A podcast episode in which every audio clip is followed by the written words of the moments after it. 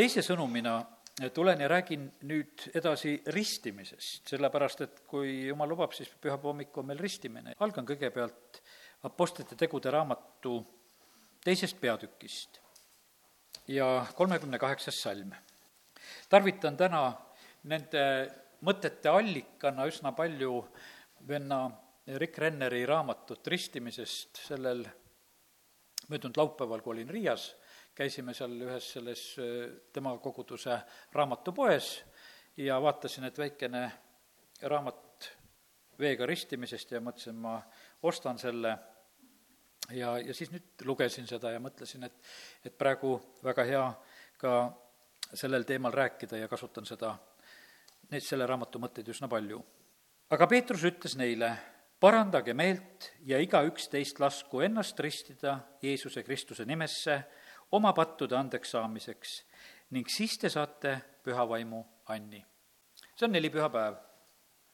kuulutatakse, räägitakse Jeesusest sõna läheb inimeste südametest läbi ja inimesed küsivad, et mida me peame tegema ja Peetrus vastab selle peale, ütleb, parandage meelt ja igaüks teist lasku ennast ristida Jeesuse Kristuse nimesse oma pattude andeks saamiseks ning siis te saate püha vaimu anni. nelipühapäeval sünnib kogudus ja see on väga selge mudel, kuidas asjad peavad käima. punkt üks, meeleparandus punkt üks on see samamoodi, et me võtame Jeesuse vastu oma päästjaks. ja kui sa, inimene on selle teinud, tunnistab Jeesuse oma päästjaks, sest et sellel päeval Jeruusalemmas kuulutati seda risti löödud Jeesust esimest korda, sest et see oli peale risti löömist selline esimene jutlus, mis on avalikult Jeruusalemmas käimas. ja selle jutluse peale inimesed tulevad päästmisele. ja, ja Peetrus juhib ja ütleb, et nüüd on niimoodi, et kes on meelt parandanud, need igaüks lasku ennast ristida ja siis te saate püha vaimu anni. ja nii nad teevad. nüüd, mis me siit saame nagu kohe õppida, ütelda seda? ristimine ja uus sünd, meeleparandus, need on kaks väga omavahel lähedast asja.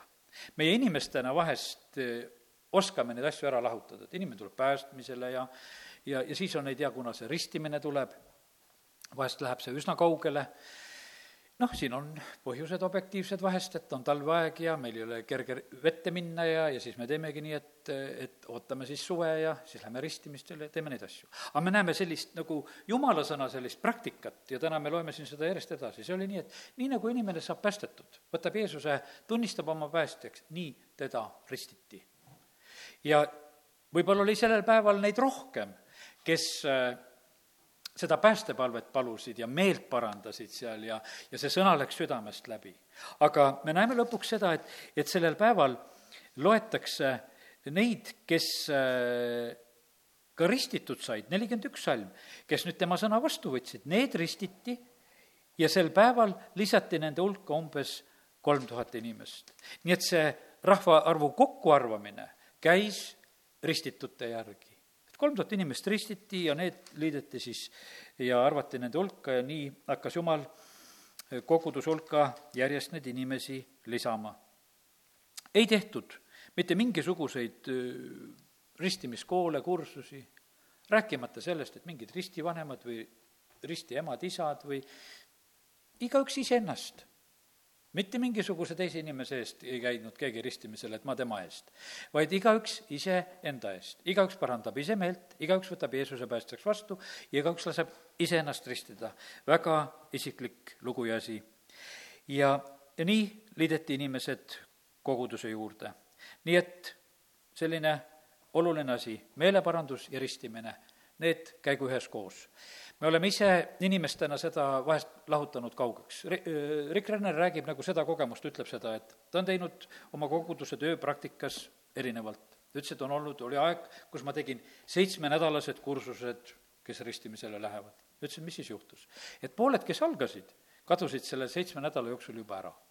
kes langes pattudesse ja kes mis iganes ja, ja et ei suutnud seda kursust lõpuni teha. ja ütlesin, ma olen oma praktikat muutnud tulevad päästmisele ja ma ristin neid kohe.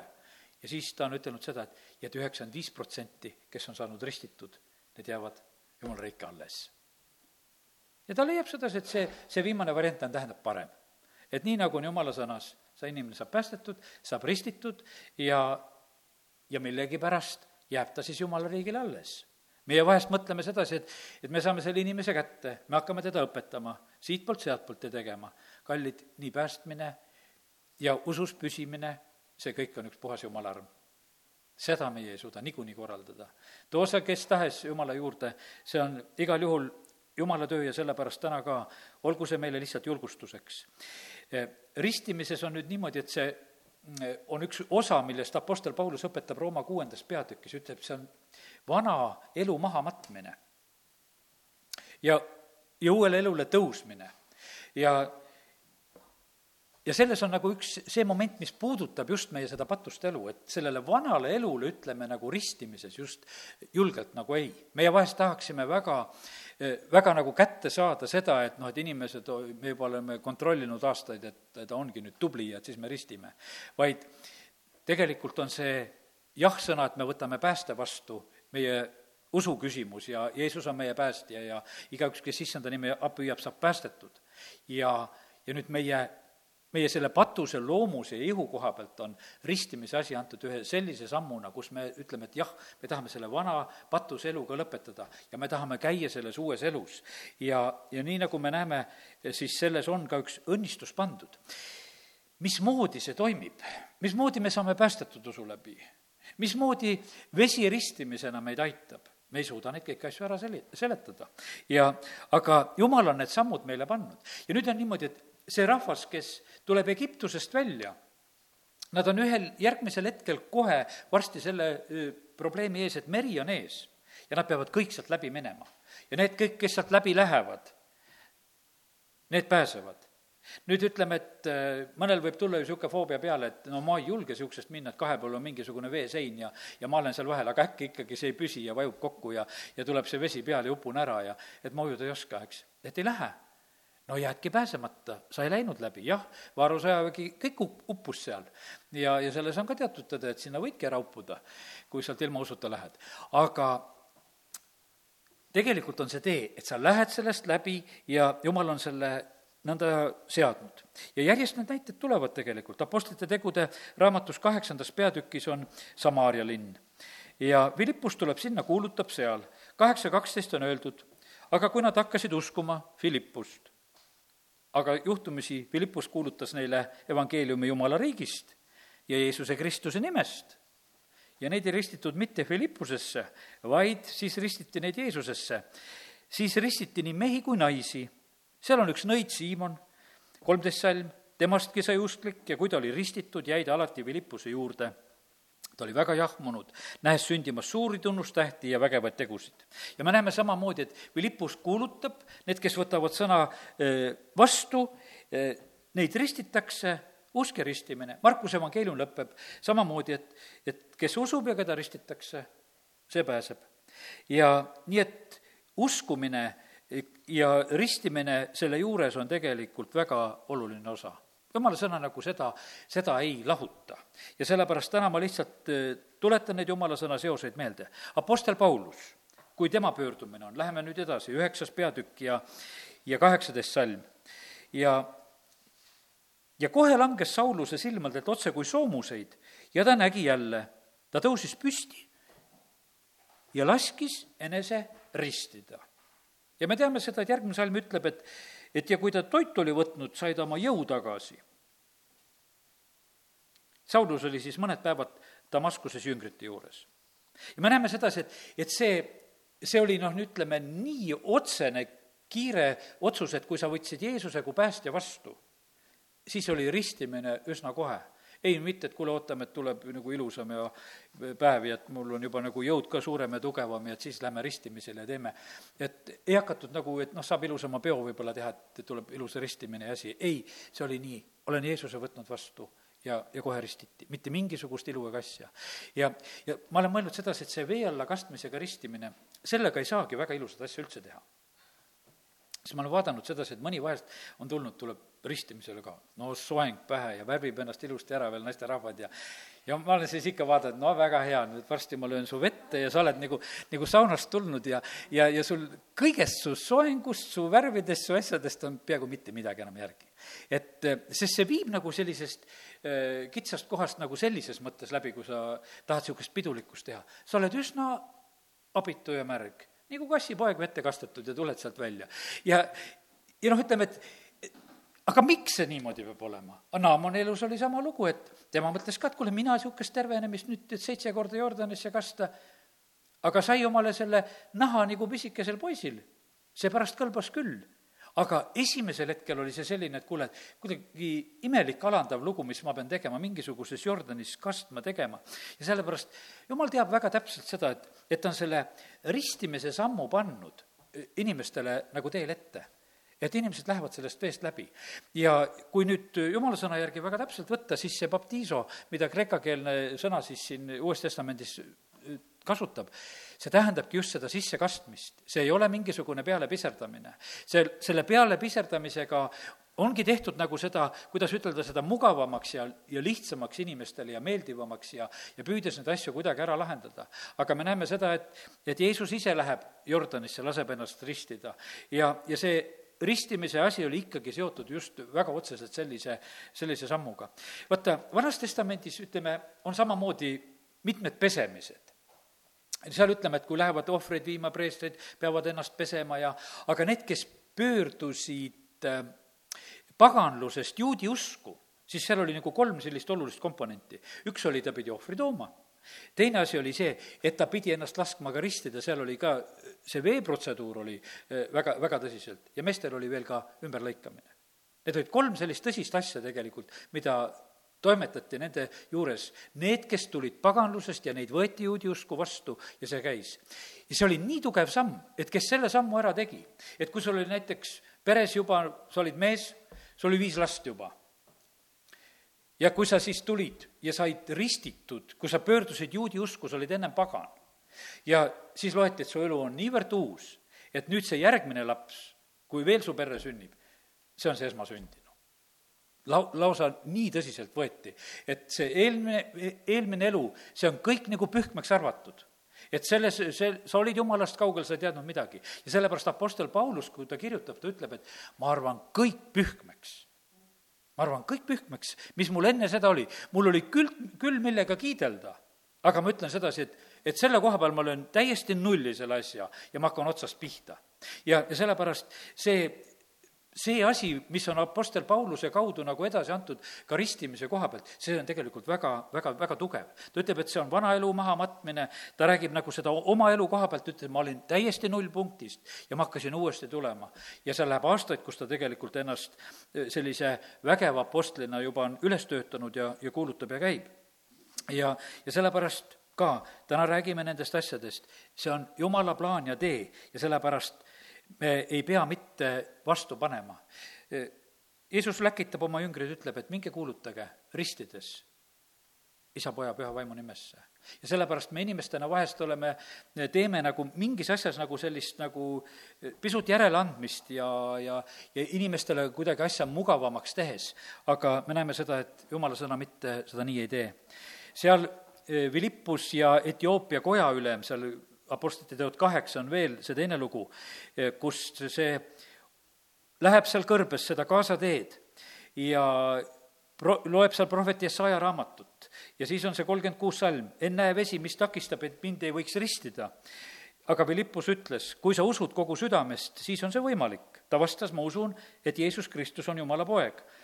ta käskis tõlla peatada ja nad mõlemad, Philippus ja Eunuh, astusid vette ja Philippus ristis tema ristimise puhul me teemegi seda, et me tahame nagu motiive ka teada saada.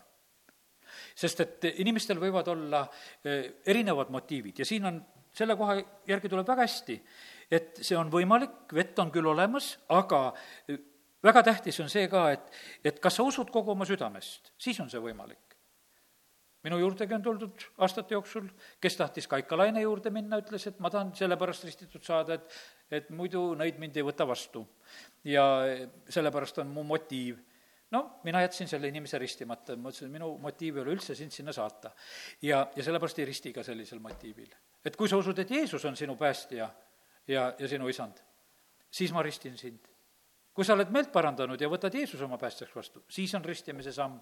see motiiv võib olla teine kunagi teine üks inimene küsib mu käest nõu, et ütleb, et kuule, et et ämm käib peale väga, et lapsi tahetakse ristida, aga et vaata, kirikus ei ristita ka muidu ja ma pean ise ka ristitud saama ja ja küsib mu käest nagu nõu no,, ma ütlesin, et noh, mina ei tea, tead, et kuidas sa ämmaga seal hakkama saad. et võib-olla sa peadki sellest asjast läbi minema oma kodurahu huvides ja lasedki enne ennast ka ära ristida, et su lapsed saaksid ristitud ja nii, nagu selles kirikus see tava on. aga et arvesta sellega, et kui sa ei usu, siis on see sinu jaoks täielik null et eh, sa, sa, sa oled ainult ämma, ämma usku siis. et mitte mingisugust muud usku, mitte jumala usku. ja, ja sellepärast ja, ja sa võid selle nagu ära teha, aga ta arvesta sellega, et noh, et, et jumala ees ei ole sellega mitte midagi kiidelda. sest et ilma usuta on jumalale võimatu olla meelepärane. ja aga inimesed noh, teevad väga erinevatel motiividel. ja, ja kui ühiskonnas on selline, ütleme, et, et on nagu kirik ja kogudused kuidagi auväärsemas positsioonis, siis inimesed lasevad ennast sellesse kuidagi kaasa tõmmata palju kergemini. kui kirik ja kogudus on põlatud positsioonis, siis, siis inimesed seda ei tee. ja sellepärast eh, Nõukogude aeg, nii nagu siin õpetaja Vaikmäe Nõukogude ajal ütles, siin Võru kiriku õpetaja juba ütles, et Nõukogude aeg oli üks hea aeg, see puhastas kiriku kõigist mitteusklikest. et eh, sest, et need ei jäänud oma usule siis ju ustavaks, kui selles oli tagakiusu ja nad läksid lihtsalt minema. ja ta tundis sellest rõõmu, ütles seda, aga nüüd on kirikusse järgi jäänud need, kes kokku tulevad, see on usurahvas. ja usurahvaga on väga meeldiv koos olla, nii kui sa nendega kokku saad, aga aga kui nad on ilma usuta sul koos, siis nad ei ole huvitatud su jutlusest, nad ei ole siis huvitatud sellest, et seal palvetada ja laulda, sest et eh, need asjad ei ole ju nende südame järgi. nii et, et väga tähtis on see motiiv ka ja ja see, see ongi nii, et sa pead uskuma ja siis need asjad sünnivad. nüüd on, Apostlite teod kümme on Korneliuse koda ja see on esimene koht, kus siis paganaid ristitakse ja kus üldse paganad saavad päästetud, sest nelipühapäeval olid ju need jumalakartlikud juudid kes Jeesusest midagi ei teadnud, aga kes sellel päeval võtavad Jeesuse vastu ja tunnistavad Jeesuse oma isandaks. siis, aga nüüd on paganate lugu. ja paganatega juhtub veel sedapidi, et, et nad saavad ennem püha vaimuga ristitud, sest nemad räägivad juba võõraid keeli, kümme nelikümmend kuus, sest nad kuulsid neid võõraid keeli rääkivat ja jumala suurust väga ülistavat. siis hakkas Peetrus rääkima, kas keegi võib vett keelata, et ei ristitaks neid kes on saanud püha vaimu nõnda nagu meiegi. ja ta käskis nad ristida Jeesuse Kristuse nimesse. ja sellepärast on see väga oluline ja tähtis, me näeme seda, et, et see ristimise moment oli see, nii nagu jumala lapseks saadi, nii oli see ka, et nüüd tuleb ristimine ka ära korraldada ja, ja, ja see korraldati ja tehti. ja sellepärast olgu see nii, et, et jäägu see tänasest jutust nagu meelde seda, et, et meie päästmisele tulek ja ristimine on nagu kaks asja, mis on väga omavahel koos kui me oleme seda oma mõttes või ka lihtsalt siin koguduses aegade jooksul lahutanud, siis jumala sõna järgi me täna võtame selle kokku, ütleme, et see on väga koos asi. ja, ja sellepärast me ei saa inimeste käest nõuda seda, et, et, et te peate seal vahepeal, kui saate päästmise ja siis ootame, vaatame, mis nägu te teete meile siin ja, ja siis me otsustame, kas me teid ristime või ei risti, vaid me näeme seda, et kuidas jumala sõna inimestega käitus. kes Jeesuse vastu võtsid, neid ristiti ja sellepärast ja me ei pea tegema seda praktikat kuidagi teiseks. ja ma usun seda, et kui, kui me jumala sõna järgi toimime, siis äh, inimesed saavad nagu selle kogu õnnistuse kätte ka, nii nagu ma siin selle näite ütlesin, et, et suurem protsent jääb kogudusse pidama neid ja püsima, kes lähevad nagu selle õige meetodi kaudu, keda jäetakse ei tea mida ootama aastateks, siis see võib hoopis ka käest ära minna. kui Paulus ja Siilas on vanglas, ja imeliselt seal nad vabanevad, maa väriseb ja uksed lähevad lahti ja, ja siis see vangla ülem, see on kuusteist peatükk Apostlite tegudes, siis on niimoodi, et kolmkümmend kolm salm. ja vangivalvur võttis nad tollel öötunnil enda juurde, pesi nende haavad ning äh, otsekohe ristiti tema ja kõik ta omaksed.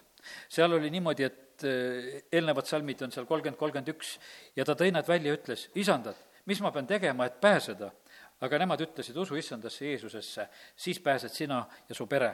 nüüd vaata, see kirjakoht on see koht, mida, kes tahavad nagu lapse ristimist õigustada, siis ka seda tarvitatakse just selle koha pealt, et näed, et, et seal oli see vangla ülem, valvur, ta võtab öötunnil nad vastu, ta lasi ennast ristida ja ristiti kohe teda ja kõik ta omaksed ja siis arvati, et no kindlasti oli seal väikseid lapsi ka, kes öösel üleval olid ja need ka ristiti ära ja ja no, ja see on selline mitte kuskilt võetud tegelikult teooria sa võid ju püüda sellele toetuda, et noh, et arvatavalt seal võis olla, et mõni laps ikka ka ringi jooksis.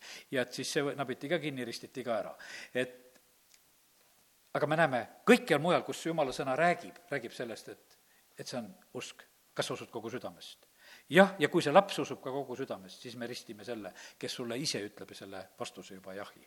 ja see läheb võib-olla isegi osade laste juures viie-kuuenda eluaastani, kes oma päästeti usku väga selgelt tunnistavad ja, ja on neid, kes on siis sellises vanuses ka ristitud, me ütleme, usuristimise mõttes, et ta on isiklikult seda väga soovinud ja teeb.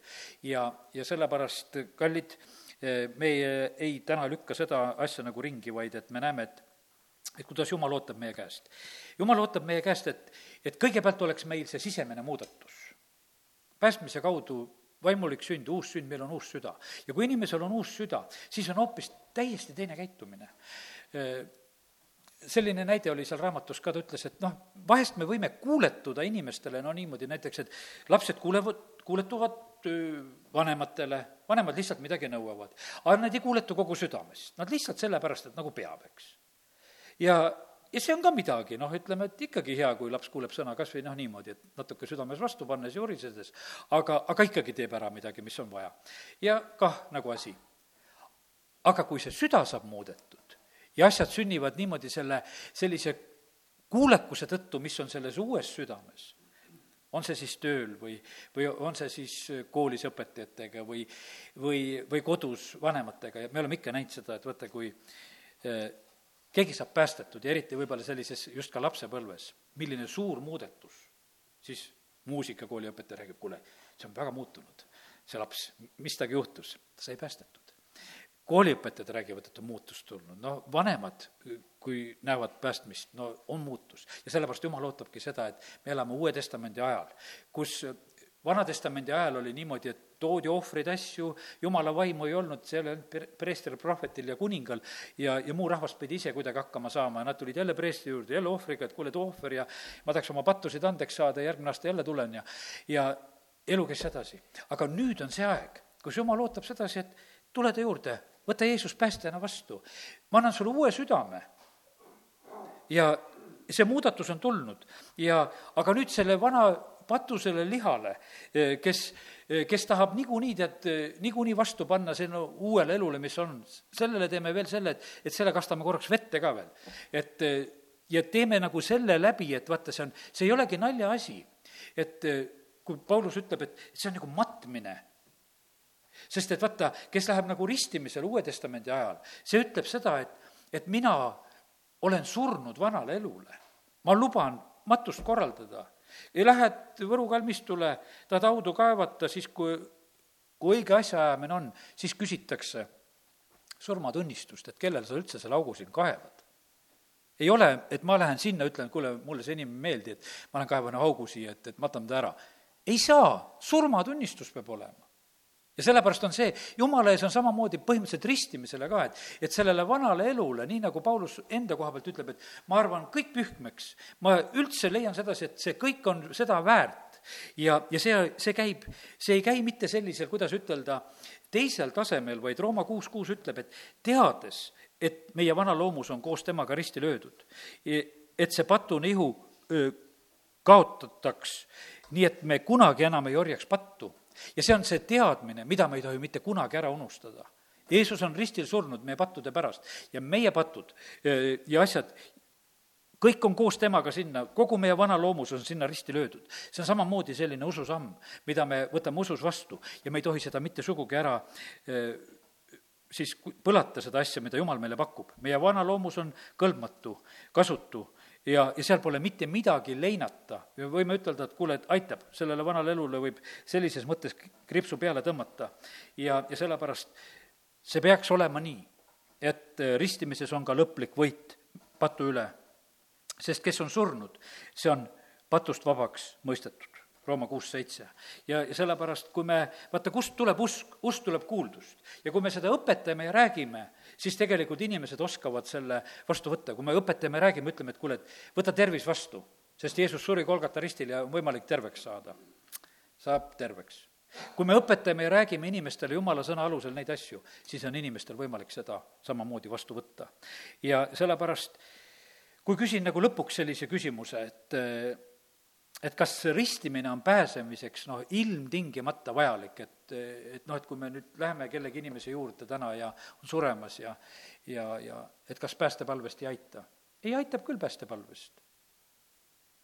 aitab küll seda me ei ütle täna siin, et, et see on ilmtingimata pääsemiseks vaja. jah, on taevas neid inimesi, kes on ilma ristimata taevas esimene on see üks röövel ristil, kes oli Jeesuse kõrval, mitte mingisugust ristimisele minekut ei olnud, et kuule, et, et kus me seda vett saaks. ja mingit juttu, täna pead olema minuga. ja sellepärast jah, evangeeliumi kuulutamise koha pealt äh, väga õige asi. õpetada, julgustada alati inimeste pärast palvetama, aga me näeme seda, et jumal ei võta mitte kuskilt ära seda, ütleb, et ja need, kes, kes saavad päästetud, neid ristitakse ja sellepärast, kui on selline väga loomulik olukord, siis inimesed on kuuletuvad Jumala sõnale ja, ja nad lähevad läbi ka ristimisest. Ja sellepärast täna räägime neid asju ja tahaks soovida seda, et kõik need sellised sammud, mida meie teeme, ristimist teeme ka üks kord, ütleme siis sellises usuristimise mõttes üks kord, jah, mõnedel läheb see nii, et ta on lapsena ristitud vanemate soovil ja ja teeb usuristimise ja ja kus ta ise tunnistab oma usku ja võtab Jeesuse kui päästja vastu ja ja Need on sellised eh, sammud. ja, ja sellepärast, ja siis jääb üks selline niisugune korduv asi, mis meie ellu jääb, mis on issanda tahe, et me tema surma mälestaksime ja seda teeme. ja see sagedus on nii, kuidas, näed, me paneme. mõni kogudus paneb iga pühapäev seda, mõni paneb kord kuus, mõned teevad kord aastas. ja aga põhimõtteliselt on see nii, et niikaua, kui issand tuleb, me jääme selle osa juurde, et see püha laud, võtame sellest osa. nii et äh, mõned mõtted ristimise koha pealt olid need, mida tahtsin täna jagada ja ma usun, et jumala vaim ise toob veel selgust kõiges, mis on vaja, aga see on jumala sõna olnud, mida oleme jaganud. amin